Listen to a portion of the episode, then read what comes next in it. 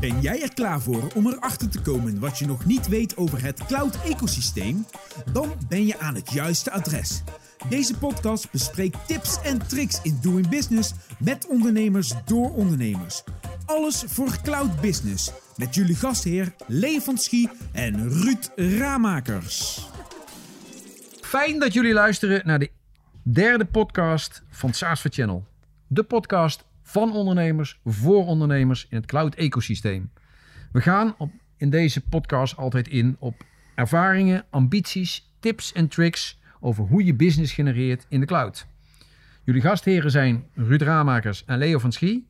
En in deze podcast gaan we speciaal in op William Sprakel, de oprichter van Storekeeper en het kassasysteem van de retail. Mag ik het zo zeggen? Nederland, Europa. Europa, Nederland. Ambities zijn er al. William, stel je even zelf voor en vertel even wat Storekeeper doet. Ja, William Sprakel in 2018 begonnen met Storekeeper. Uh, gestart vanuit de ambitie om winkel en webshop voor die retailer in één systeem te regelen. Altijd al iets in de hoek van hosting van webshops gedaan. En we kwamen altijd of bouwen van shops. En we liepen iedere keer er tegenaan dat er geen goede standaard oplossing was. Dus we dachten, nou, waarom niet dat zelf bouwen? En dat hebben we met Storekeeper gedaan. We hadden de, de MKB-ondernemer hadden we voor ogen. Dus we zijn outside in begonnen. Wat wil die ondernemer nou echt? En die wil zijn producten verkopen. Die wil zijn voorraad bijhouden. Uh, die wil weten hoe die draait, of die marge maakt. Die wilde altijd betaalgedoe gekoppeld hebben. Die wil niet nadenken over al die systemen. Die wil die pakketlabeltjes er gewoon uit. Zo dachten we, nou, als we dat nou eens even bouwen. Uh, nou, dat lijkt altijd wel iets verwerkelijker. Maar dat hebben we met Storekeeper gedaan. Dat doen we. Ja, dat, dat duurt dan altijd wel drie jaar langer. Dat, uh, dus alleen een goede Muppet film, zeg maar, dan lijkt het altijd wat sneller te gaan. Uh, nee, dus drie jaar verder uh, zitten we in Nederland, België en Duitsland. Nederland wel het sterkst. En uh, hebben we sinds kort kantoor in Rijssen. Mijn, mijn thuisstad, we hebben altijd in Enschede gezeten, de universiteitsstad van Twente. Maar eens een keer niet. Ja. Verhuisd. Met zoveel zijn jullie tegenwoordig? ik denk dat we nu met ja, tien mensen zijn, waarvan een deel zeg maar één uur en een deel vaste dienst. En als je kijkt naar jullie klanten, wat, wat zijn jullie klanten? Uh, zit, er nog iets, zit er nog een speciale lijn in wat, wat de, de grootste gemene deler in zit? Ja, MKB, ondernemers, retailers, groothandels met ambitie. Dus dat zie ik wel, dat wij klanten hebben met ambitie die er meer uit willen halen. Die niet alleen de omzet willen verwerken met een kassasysteem. Dus we, ik zeg altijd, we doen ook een kassa, maar onze hoofdmode is software die voor jou werkt. En dat is nogal een ambitie. Maar dat is ook altijd het gesprek wat we met onze klanten voeren. Niet of het er wel of niet bij in zit, maar wat zou voor jou dan werken? Okay, hoe kom je aan je klanten dan? Uh, meestal via partners. Dus we hebben uh, internetbureaus als partners. We hebben automatiseringsbedrijven als partners. Internet, ja, marketeers, webagencies, webshopbouwers. Dat zijn onze partners. Zo nu en dan wat rechtstreeks uit mijn netwerk. Zijn sinds vorig jaar, denk ik sinds Q4 pas echt commercieel bezig. We hebben, we hebben ook intern ook een beetje het marketing en sales vooral opgezet. We hebben de HubSpot ingericht en uh, alles wat erbij hoort. Uh, dus ja, de, de, intake gaat nu wel wat omhoog. Dat we naar drie, vier, soms vijf aanvragen per dag gaan. Maar in het begin hebben we echt gefocust op klantgeluk en klantsucces. Zodat je ook vanuit ja, klantcases werkt. Dat je weet hoe onboardings moeten. Want dat is in onze wereld wel echt het belangrijkste. Want als je van een kassasysteem en een webshop en allemaal aparte gedoetjes. En, en dat je soms wel acht dingen had of wel twaalf had om je succes te hebben. Of het dan überhaupt niet redden. Uh, dat je naar één gaat, dat is natuurlijk best een proces. En daar hebben we wel ook uh, onze tijd voor genomen om te zorgen dat we de mensen goed daardoorheen uh, halen en trekken. De klanten zelf, ja. dus op die manier. Oké. Okay. Als je kijkt naar de toekomst toe, ja.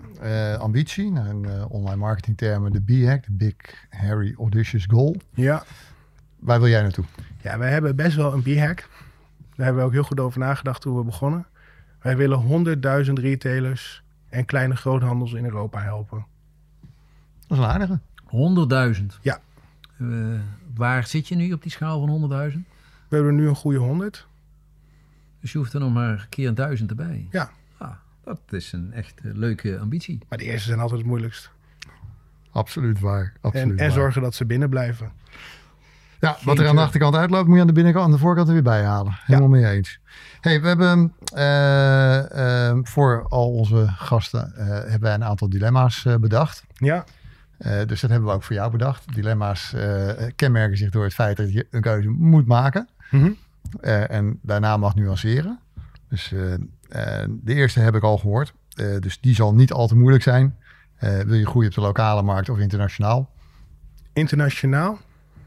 En als je... Inter- nee, die gaan we straks op. Dadelijk helemaal op door. Ja. Ehm, de tweede, retourgoederen. Is dat een bedreiging of een kans? Dat is een mega kans. En de laatste, eh, gaan we in de toekomst betalen met bitcoins of met geld? Geld. Ja, dat is mooi. Wil je nog ergens op terugkomen? Ja, alle drie wel. Mooi. Eh misschien op de laatste beginnen. Ik vind bitcoin geld. Dus voor mij is het niet het een of het ander. Eh, we hebben euro's, eh, we hebben US, U- U- ja, USD, dollars. eh, we hebben allerlei valuta en bitcoins of cryptocurrencies zijn ook currencies. Kun je al Mhm. betalen in je kassa met eh, bitcoins? Dat heeft, vanwege compliancy doen we dat niet. Eh, we werken samen met eh, de beste PSP, dus, volgens e-mers van Nederland, P. Die hebben wij volledig in onze platform geïntegreerd. En dat betekent dat wij die klant ontzorgen in de onboarding en alle diensten. En dat ze alles vanuit ons platform kunnen gebruiken. En daarvan hebben we wel gezegd van crypto doen zij niet. Eh, om, hebben ze ooit wel gedaan, maar er zit zoveel compliancy nu aan. eh, dat we hebben gezegd dat doen we niet. Verwachten ze daar in de toekomst weer naartoe te gaan? Of is dat, eh, is dat een tijdelijke terugtrekking of is dat een definitieve?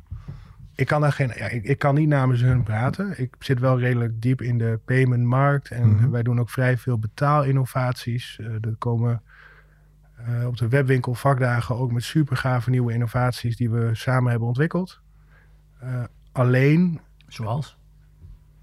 daar kan ik inderdaad wel wat over vertellen. Wat we nu aan het ontwikkelen zijn, is samen met In3. Dat is een betaalpartij die, waar je aan drie termijnen kan betalen. Zijn steeds bekender aan het worden. Eh, dat is altijd al in de webshop. En we hebben bedacht van hoe gaaf zou dat zijn om dat in de winkel te kunnen. Nou, dat hebben we nu geïntegreerd. Dus dat betekent dat je een QR-code op de kassa scant. En dan kun je als klant gewoon meteen betalen. Dan betaal jij in drie termijnen. Die winkelier krijgt meteen zijn geld. En dan heb je een heel lastig proces met allemaal formuliertjes. eh, heb je hem weggehaald. En dan maak je gewoon een leuke, gave koopbeleving. Die consument weet van tevoren al eh, wat zijn kredietlimiet is. Dat hij weet wat hij dus kan kopen. En in plaats van te denken van ja, ik heb nu 1000 euro op de bank, ik noem maar wat, vrij te besteden. Dan kan die kijken van hé, hey, maar ik heb nu 1000 euro. En volgende maand en de maand erop ook wel. Of 800 of 500. Dus ik kan dat nu kopen. Ik kan nu kiezen voor kwaliteit, wat ook weer goed is voor de duurzaamheid. In plaats van nu een, een B-keuze die over twee jaar weer weggaat. Je had het over ehm, retourproducten, een megakans. Ja. Ja, dat, eh, daar zit een mega kans in als je daar goed mee omgaat. Dus ik ben tegen het kopen om maar terug te sturen. Zoals ik kijk hoe je met dingen om hoort te gaan. Maar ik zie ook dat als je daar goed mee omgaat, als je die consument of tijdig terugbetaalt of duidelijk bent met je voorwaarden, dat je daar goed mee omgaat en dat je daar ook de klant bijvoorbeeld in een label voorziet of dat de klant het bij jou kan kopen of dat je dat hele proces in ieder geval transparant opgeeft, dan gaat het klantgeluk van de klant van onze klant gaat omhoog. Ik zag, eh, ik kreeg ehm, een discussie met eh, een auditor en die zei... retourproducten in omnichannel is een ramp. Dan kopen ze het op het, eh, op het internet. Ja. En dan vervolgens krijgen ze het thuisgestuurd en dan brengen ze terug naar de fysieke winkel. En probeer het maar uit elkaar te houden. En dan Ja. heb je ook nog vaak winkels die franchisers zijn. Ja, waar valt het geld en hoe, hoe valt het? Hoe kijk jij daar tegenaan? Dat is een hele goede vraag en ik snap dat dat een heel groot probleem is als je alles aan elkaar geknoopt hebt. Ja. En daarom hebben wij vanaf dag één een omnichannel platform gebouwd. Dat we dus alles vanuit één platform kunnen aanroepen. Dus op het moment dat de klant in de winkel komt, kijk je in dezelfde database als die van de webshop, eh, van die webshops. eh, hoe je het ook maar inricht bij ons. En op dat moment kun je meteen ook weten waarvoor die klant dat gekocht heeft. Want dat is iets wat in de klassieke retail vaak nog fout gaat. Je koopt drie broeken in de opruiming voor 150 euro. Eh, normaal zijn ze 99 euro per stuk. Klant komt terug, zegt ik heb geen bonnetje. Winkelier weet het niet, kijkt wat die nu kost. En dan kost hij nu 99. Dus die klant krijgt misschien wel meer terug dan die ooit betaald heeft. Nou, en daarom hebben wij gezegd dat moet vanaf dag één gewoon goed te zijn. Je moet dat bonnetje kunnen scannen. Je moet op die klant kunnen zoeken. Je moet op zijn pinpas kunnen zoeken. En juist door betalen en klant en alles daar aan elkaar te koppelen, dan lukt dat. Oké, dat is een mooie. Leo? Ja, dan vroeg je ook nog over internationalisatie. Ja, Ja, We hebben wel voor gekozen bewust goed te beginnen in Nederland. Mhm. Dus we hebben ook in het begin een hele lokale focus gehad. Dat zit niet in mij, want eh, eerder probeerde ik ze eigenlijk altijd zo ver mogelijk weg te hebben. Want dan definieer je je kaart voor Storekeeper met andere Mhm. bedrijven. Eh, we hebben bewust gekeken van hoe kunnen we zo dicht mogelijk op die klant zitten. Zodat we weten wat hij voelt, wat hij bedoelt, wat in hem, in hem omgaat. We hebben persona's uitgewerkt. Dus wat denkt de winkelvloermedewerker, wat denkt de winkelmanager, wat denkt de winkeleigenaar. En hoe zorgen we dat software voor hun werkt. En dat kan je alleen maar door er veel langs te gaan en veel gesprekken te hebben. En dat maakt alle onboardings en alle uitrol daarna zoveel makkelijker. Je weet wie de stakeholders zijn, je weet hoe het koopproces loopt, je weet ook hoe het adoptieproces loopt. En daarom hebben we het bewust het begin lokaal gedaan. En dan merk je dat de basis van een mens ja, internationaal niet anders is. We Dus je zegt van, er zijn eh, geen grenzen dan. Nee, de huidige focus is. eh, dus ja, er zijn geen grenzen, is altijd een moeilijke discussie. Maar onze huidige focus zit op Europa. Dus we willen de komende vijf jaar ons- in Europa ons definiëren. Mhm. Mocht er iets gebeuren buiten Europa, ja, dan is dat voor, mij, voor ons geen thema. Maar dan zit je met de dingen als een betaalvergunning of de mo- betaalmogelijkheden. We hebben alle valuta wel in ons platform, maar je moet ook al de betaalmiddelen hebben. En we hebben er volgens mij nu tegen de 70. Alleen ja, in Amerika hebben ze weer wat anders. Ja. Eh, ja, veel creditcard. Mhm. Dus dat zijn wel dingen waarvan we denken van het moet wel goed. En je hebt ieder land heeft zijn eigen BTW-systematiek. Eh, in België heb je bijvoorbeeld andere BTW op afhaal dan op eh, als je er eet. Voor hetzelfde restaurant. Ja. Nou, en zo kijk je dat die fiscaliteit, waar we ons dus ook mee koppelen en ook ons mee verbinden, eh, dat het heeft wel impact op onze uitrol. Ja, dat hoor je ook vele Amerikaanse bedrijven hebben van, ja. het is moeilijk om in Europa aan de slag te gaan, want Ja, alle Andersom is makkelijker. weer anders. Ja, we hebben in eh, Duitsland hebben de Kassensiegvouw geïmplementeerd. Dat is de Duitse kassawet. En in eh, België hebben we dan de, de, zwarte, de, witte, de zwarte of de witte doos. Hou me even ten goede. Oké. Volgens mij is het de witte kassa met de zwarte doos. Ja, alleen Belgen bedenken het. Ik vind het eh, leuke definities. Eh, en daar merken we wel in dat het allemaal weer anders is. Dus dat, maar dat willen we gewoon ook goed doen. Dus we gaan niet zomaar in een land starten. Dan starten we altijd eerst met een aantal klanten. En dan gaan we verder. Mhm. Het zou voor, voor mijn gevoel naïef zijn om te denken dat je gewoon copy-paste kan doen. Het zou mooi zijn, maar helaas. Nee, en misschien wat het ergste wat ik daarin vind is, eh, we koppelen ook met boekhoudpakketten. En raar genoeg zijn er ongeveer zo'n ja, 200 meer in Nederland dan in Duitsland die belangrijk zijn. Ja. Dat zou precies andersom moeten zijn. Zou je maar verwachten. Ja. helaas en gelukkig. Hey, als we terugkijken naar de afgelopen periode, wat zijn de twee grootste strubbelingen, problemen waar je tegenaan bent gelopen? Eh, tempo, hardheid. Wat bedoel je met tempo hardheid? Ik denk dat je vaak in je hoofd sneller wil eh, eh, dan je kan. En dat moet je volhouden. Dus je moet wel nadenken over van oké, kunnen we dat tempo langere tijd aan? Dus je kunt wel een week doorhalen, maar iedere week doorhalen kan weer niet. Dus eh, tempo hardheid, dat is wel voor mij zelf een heel gaaf eh, leerpunt geweest. Mhm. En dat is eigenlijk ook wat ik in het hele bedrijf probeer nou ook bij iedereen te krijgen. Van zorg dat wat je doet, dat je dat ook constant kan doen. Nou, en ik denk in diezelfde is eigenlijk kwaliteit. Dat op het moment dat je denkt ik ga voor een vluchtige oplossing, dan, ja, dan krijg je het is een soort van boemerang die je weggooit. Die krijg je net zo hard weer terug. Heb je dat ook zelf ervaren? Ja, dat meer dan eens. Dat, eh, zowel in eh, sport als in ondernemerschap. Dat op het moment dat je denkt ik ga even. eh, dat je vaak ja, de, de, de spreekwoordelijke man met de hamer tegenkomt. Mhm. Op welke manier dan ook. Ja. En dat is met kwaliteit en dat is met eh, ja, consistentie. Die beide die hangen eigenlijk hand in hand. Die Ja. gaan hand in hand. Wat zijn je belangrijkste uitdagingen voor de toekomst? Eh, twee, liefst. meer. twee. De top twee. Ik denk eh, het echte scale-up fase. Ik vind ons nog een start-up. Er zijn mensen die ons een, een, een scale-up noemen, maar ik vind ons nog niet echt een scale-up. Eh, dus zorgen dat ook de cultuur, dat het idee voor hoe belangrijk die klant is en dat we dat ook bij die dus intern houden. Dus je cultuur vasthouden. En ik denk ook die cultuur overbrengen naar onze partners. Dus eh, dat ook die partners storekeeper ademen en niet dit kunnen we verkopen. We snappen en wij vinden het ook fijn dat ze het verkopen. Dat vinden zij ook veel fijn. Alleen dat vinden we het wel heel belangrijk dat ze het ook op de goede manier verkopen vanuit de juiste gedachtegoed. Dus dat zijn eigenlijk ook weer een, eh, zijn twee dingen die bij elkaar horen voor mij. En hoe doe je dat? prediken, prediken, prediken. En ook gewoon de confrontatie aangaan als ik hoor dat ze dat op een andere manier doen dan ik vind dat het hoort. En dat dan liever, hoe hard dat ook klinkt, een partner verliezen. Dan dat een klant een slechte ervaring met Storekeeper heeft. We hebben een vraag staan van wat is het meest eh, ideale cloud ecosysteem? Je hebt het partners die verliezen. Hoe ziet het bij jou eruit? Ja, wij, wij zijn altijd op zoek naar succesvolle partners. Dus eh, partners waarmee wij, maar die ook met ons, succes kunnen krijgen en maken. En ja, dat Ja, is, eh, wat zijn succesvolle partners?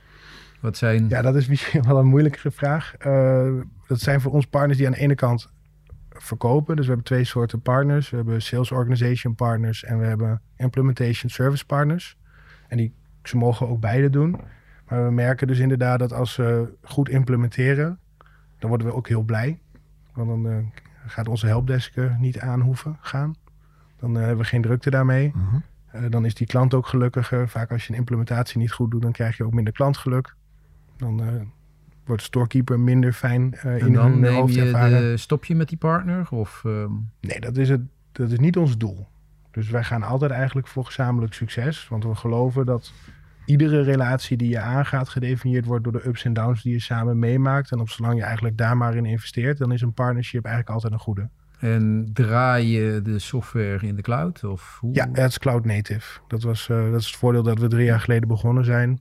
En dan doe je het bij Amazon? Of wat is je omgeving? Eh, we hebben een eh, eigen Linux stack. Dat eh, hosten we voor een deel bij DigitalOcean en een deel bij een aantal datacenters in Amsterdam. Maar eigenlijk allemaal wel in Europa.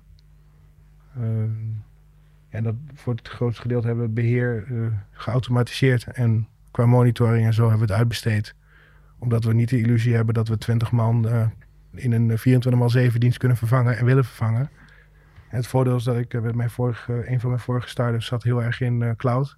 Dus de meeste ja, cloud grapjassen, die ken ik wel. Dus dat was redelijk gauw eh, geregeld dat je weet wie het goed kan, wie het Ja. betrouwbaar is en eh, wie ook echt weet die dat doet. En dat vinden ze, en ze vinden het altijd wel leuk om met ons te werken, heb ik het idee, omdat wij ook wel, eh, ja, we weten wel waar we het over hebben. Als je naar eh, applicaties kijkt, bedoel, je hebt een applicatie. Eh, waar zie je de uitdagingen of de, de, de ontwikkelingen van applicaties de komende jaren naartoe gaan? Zie je daar nog trends in? Ja, nou ben ik daar altijd, ik denk een hele slechte graadmeter voor, want ik, voor mijn gevoel loop ik altijd daar iets in voor. Ehm, er zijn nu mensen die het nog over ASP-modellen hebben, dat, eh, dat snap ik wel. Maar wij denken altijd eigenlijk al in SaaS en cloud-modellen. Eh, wij denken eigenlijk altijd al dat het met API's moet.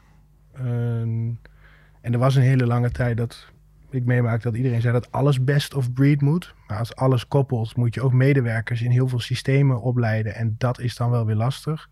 Dus ik denk dat het een mix van best of breed gaat worden, waarbij afdelingen soms met andere software werken. Maar dat het wel dat een afdelingsprobleem of een teamprobleem wel in één applicatie gedekt moet worden, of maximaal twee. Omdat de leercurve, ook van jongere mensen, dat, dat hebben we allemaal het idee van dat ze dingen heel snel oppakken. Maar ook die vinden het niet fijn om in twintig applicaties of apps te werken. Dus dan merk je dat het grootste klantgeluk weer voortkomt dat ze alles terugzien in één appje. Aha, we hebben een kettingvraag en misschien eh, ligt die eigenlijk in diezelfde lijn. En dat is de vraag van hoe blijf je relevant in de techsector bij die snelle ontwikkelingen, onder andere van die grote jongens die erin zitten. En Mhm. ja, ja, je bent toch een klein bedrijfje. Hoe zorg je ervoor dat je zelf relevant bent in, eh, in die markt? Ja, door daar eigenlijk al je energie in te zetten. Ja, Dat kun wij- je ook als je, ik noem wat op, een triathlon doen, daar zet je ook alle energie in. Ja, klopt. Maar ook die komt voort uit plannen. Dus, eh, dus dat weet ik dan voor mezelf. Ehm, als je kijkt naar het relevant zijn, dan moet je de markt kennen. En ik, ben altijd, ik werk altijd graag vanuit kennis. Dus ik probeer onze markt te kennen. Ik probeer te weten wie er voorop lopen in onze markt. Wat de trends zijn, wat de trends gaan zijn. En eigenlijk proberen wij ze altijd te implementeren voordat het eh, hip en happening wordt. En op die manier lopen we eigenlijk standaard voor. Maar dat doen we wel op een manier dat onze klanten het kunnen begrijpen. Dus we proberen weg te blijven uit. Dat is ervaring, zo te horen. Ja, op het moment dat je hele coole dingen doet die je klant niet begrijpt, dan had je ze net zo goed niet kunnen doen. Dat, eh, ja, dat is, Dan loop je te ver voor de muziek vooruit. ja, dus het is vooral belangrijk dat je het goed uitlegt. Dus je kunt wel BI doen, je kunt wel AI doen, je kunt wel ehm, allerlei coole data dingen doen. Maar die moeten terugkomen in een widget of een app voor die klant. Dat hij denkt, oh, dat moet ik ermee doen. En dat kan ik ermee. Maar die klant wil uiteindelijk weten welk product verkoop ik meer. Dus dat je report generation hebt, dat klinkt stoer. Maar ze willen gewoon een knop hebben. Welke maat verkoopt het beste in mijn kledingwinkel? Of eh, welke kleur verkoop ik het meest? Of ja, Mhm. iets in die trant. Wie is mijn beste klant? Dus geen customer satisfaction analysis. van artificial intelligence bijvoorbeeld? Dat je weet van deze klant heeft eigenlijk de vraag... welke kleur verkoop ik het meest? Of die kan die vraag stellen en krijg ik een antwoord? Deels. Ja, wij noemen dat geen AI. Want AI, daar heb ik een heel hoog beeld bij wat wij wel doen. Dus wij monitoren of onze klanten alles wel gebruiken. En als ze dat niet gebruiken terwijl ze het wel hebben, gaan ze dat uitleggen. Dat hebben we allemaal geautomatiseerd. Dus op het moment dat wij denken van... hé, hey, volgens ons idee van dit type winkel... zouden ze dit soort rapportages moeten gebruiken... dan sturen we mails met tips en tricks over hoe je die Oké. rapportages kunt gebruiken. Dat is mooi. Ehm, even naar eh, de financiële kant van de organisatie. Ja, Personeel is vaak eh, een hele hoge kostenpost. Ja. Eh, wat is de andere of de volgende grote kostenpost binnen jullie organisatie? personeel. En daarnaast? Ja, nee, maar dat, dat is dus wat wij doen. Ehm, personeel kost heel veel geld. Maar daarnaast geven we denk ik onze tweede grootste kostenpost is ook weer personeel. Dat is alles wat we voor het personeel doen. Mhm. Dus we zorgen voor eten, we zorgen voor drinken, we zorgen voor lol. Eh, Een beetje à la Google, die ook zorgt dat het eten altijd eh, beschikbaar is voor zijn mensen. ja, ja, ik ben niet anders gewend dan dat je dat hoort te doen. Want ik denk altijd als je goed voor je mensen zorgt, dan zorgen ze ook goed voor jou. Ehm, dus dat, dat, dat is denk ik wel heel belangrijk. Dat, dat vind ik dan.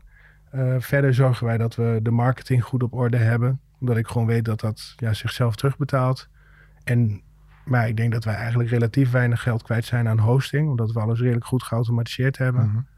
En ik uit SaaS-modellen ook weet dat, dat je dat nou, goed qua metrics goed moet voor elkaar moet hebben. Dus ik denk dat personeel misschien wel 80% van onze kosten zijn en dan, dan marketing. En even terug naar personeel. Eigenlijk naar je persoonlijke kant. Ja, Als je nou zegt van ik moet binnen een dag eh, stoppen en ik moet aan een opvolger eh, overdragen. Wat is dan het belangrijkste punt wat je aan hem zou overdragen? doe wat we afgesproken hebben. Want eigenlijk hebben we alles in rollen en taken en verantwoordelijkheden ver- eh, verdeeld. Iedereen heeft zijn verantwoordelijkheid. Dus we hebben niet het geloof in functies, maar in een, in een rol. Mhm. Dus je hebt een rol klantgeluk, je hebt een rol productsucces. En op die manier zouden in principe al mijn collega's alles op moeten kunnen pakken op het moment dat ik weg ben. Dus ik zou vooral wijzen op het feit dat we, dat we de checklistjes volgen die iedereen zelf heeft gemaakt. Ehm, en bij twijfel eh, ja, kun je altijd bellen. Maar ik denk, in, en dan ja, onderaan de streep luisteren naar wat, wat goed voelt. Want als je denkt, hé, hey, we hebben een proces voor een klant en dit voelt niet goed, ja, dan is het vaak ook niet goed. Dus voor, ja, luister onderaan de streep altijd naar je gevoel, hoe het overkomt bij je klant. Maar nu val jij weg. Nu ik nog heel even op door. Ja, Eh, ik begrijp dat met de bestaande situatie dat ze die voort kunnen zetten. Mhm. Maar ze zullen dan ook verder moeten gaan ontwikkelen. Iemand zal ook die rol moeten gaan oppakken. De inspirator. ja de inspiratie zou dan wel wegvallen. Ik denk dat dat misschien dan nog wel de grootste uitdaging is. Van alle andere dingen hebben we redelijk goed belegd. Mhm. Alleen het nadenken over de nieuwe innovaties, die ligt inderdaad wel het meest bij mij. Hoewel wij ook een heel ontwikkeld team hebben die ook zelf ideeën hebben. En ik heb zelf wel het geloof dat we op een volwassen punt zijn waar dat meer dan voldoende moet zijn. Want onze klanten hebben ook ideeën, dus dan is het gewoon een kwestie van filteren en, en goed luisteren. Welke vraag hadden we je nog moeten stellen, eh, William? Welke heb je gemist? Ja, wat ik me soms afvraag, waarom iedere keer iets met SaaS? Maar Leo, pak jij die op? Nee, mag jij. William, ja, waarom iedere keer weer iets met SaaS? Ja, dat is een hele lastige vraag. Want ik heb het wel eens geprobeerd om niet te doen. Ik heb ook een agency geprobeerd. Dus dat je uurtje, factuurtje dingen bouwt. En, en dan bleken we dat we weer voor SaaS-bedrijven gingen bouwen. Dus ik denk dat het in mijn DNA zit dat je standaard oplossingen wil bouwen voor eh, generieke problemen. Eh, waarbij ik het altijd belangrijk vind dat het dan veel betaalbaarder is. Oké. Nou, je hebt het over SaaS. Dus ehm, de opvolger van jou is eh, in onze podcast Johan de Wit van SaaS-bazen. Wat zou de kettingvraag willen zijn die jij hem zou willen stellen? Ja, daar heb ik goed over nagedacht. En je kunt heel veel. Ik heb ook zijn podcast, nou, veel wel van zijn podcast geluisterd. Maar ik zou vragen: wat maakt nou een echte SaaS-baas? dat is een leuke vraag. Wat maakt het een echte SaaS-baas? Voel je jezelf een SaaS-baas? Nee. Nee, ik denk, ja, ik denk wel dat ik het zou kunnen zijn of dat ik het misschien wel ben. Maar ik probeer me daar altijd wel in die zin nederig in te stellen dat ik denk van hoe word ik dan morgen weer beter. Dat is een mooie, mooie insteek. Nou, Ja, dan, dat, dat brengt ons bij de afsluiting eh, van, eh, van deze podcast. En we vragen eigenlijk eh, altijd om als afsluiting twee tips die je als ondernemer zou willen meegeven aan andere ondernemers in deze, in deze dynamische wereld. Ja, Wat zouden de twee takeaways zijn die jij aan collega-ondernemers zou willen meegeven? ik denk dat het belangrijkste is, en dat is niet mijn eigen hoor, maar start met het einddoel voor ogen. Die heb ik ergens eerder gehoord. Ja, Ja. dat heb ik niet zelf bedacht. en die heb ik ook wel tien keer gelezen voordat ik het nut ervan inzag. Maar dat hangt eigenlijk samen met onze BHAG. Ja. Dat we echt constant nadenken met ons einddoel voor ogen. Dat ik ook heb geleerd, en dat is eigenlijk dezelfde tip nog, maak hem klein. Dus zorg voor kleinba- kleine haalbare doelen daarin, zodat je ook weet dat je op pad bent. Want een BHAG gaat niet leven op het moment dat je weet wat je aan het doen bent. Dus ik denk dat dat eh, eh, voor, ja, tip 1 zou zijn. Mhm. En twee zou zijn, zorg voor balans.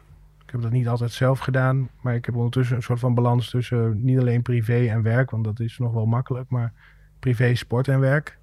Dus zorg, eh, ja, je had het net al over de triathlon. Ik heb eh, heel veel uit de triathlon geleerd. Ik was altijd eh, nou, redelijk ruim opgezet, om het maar zelf eh, Mhm. te zeggen. En op het moment dat iemand mij zei van dat ik het niet kon, dacht ik, nou dan ga ik aan. En wat ik geleerd heb uit de triathlon is juist inderdaad dat je drie onderdelen hebt. Dat merk ik ook in ondernemerschap. Dat je na moet denken over je doel. Je moet nadenken over. Je hoeft niet na te denken over je tijd, maar wel dat je binnen wil komen. Welke afstanden je moet lopen en fietsen en eh, zwemmen. En natuurlijk zwemmen, fietsen, lopen. En eh, dan moet je ook trainen. En, en dat besef, dat heeft mij in ieder geval geholpen. Dat je dus inderdaad eh, dan ook beter gaat presteren. Dus soms ook soms na te denken, hey, misschien is een rustdag wel eens een keer goed. En als ik altijd aansta en nooit uit, dan laat ik niet op. Dus dat is, eh, dat is wel mijn eh, leerstoel, leerschool en leerstoel geweest. fijn. Ik denk twee hele mooie, mooie takeaways waar we mee, eh, mee verder kunnen. Ja, Dank je. dankjewel. En daarmee zijn we aan het einde gekomen. Ja, Oh, hoe kunnen ze jou nog bereiken? Eh William met storekeeper.nl. Op storekeeper.nl hebben we natuurlijk ook een contactformulier. Ik heb op LinkedIn een profiel waar mensen berichtjes mogen sturen. Dus eh, die krijg ik ook genoeg binnen. Oké. Nou, hartelijk dank eh William. Graag Eh. Jullie bedankt. we zullen eh, jouw gegevens ook even publiceren op onze website www.saasverchannel.nl En daar kunnen jullie meer lezen over Storekeeper en over William Sprakel. Dankjewel. Dankjewel. Bedankt. Bedankt voor het luisteren naar de podcast van SaaS for Channel. Wilt u meer weten over wat er besproken is? Kijk dan op onze website saasforchannel.nl.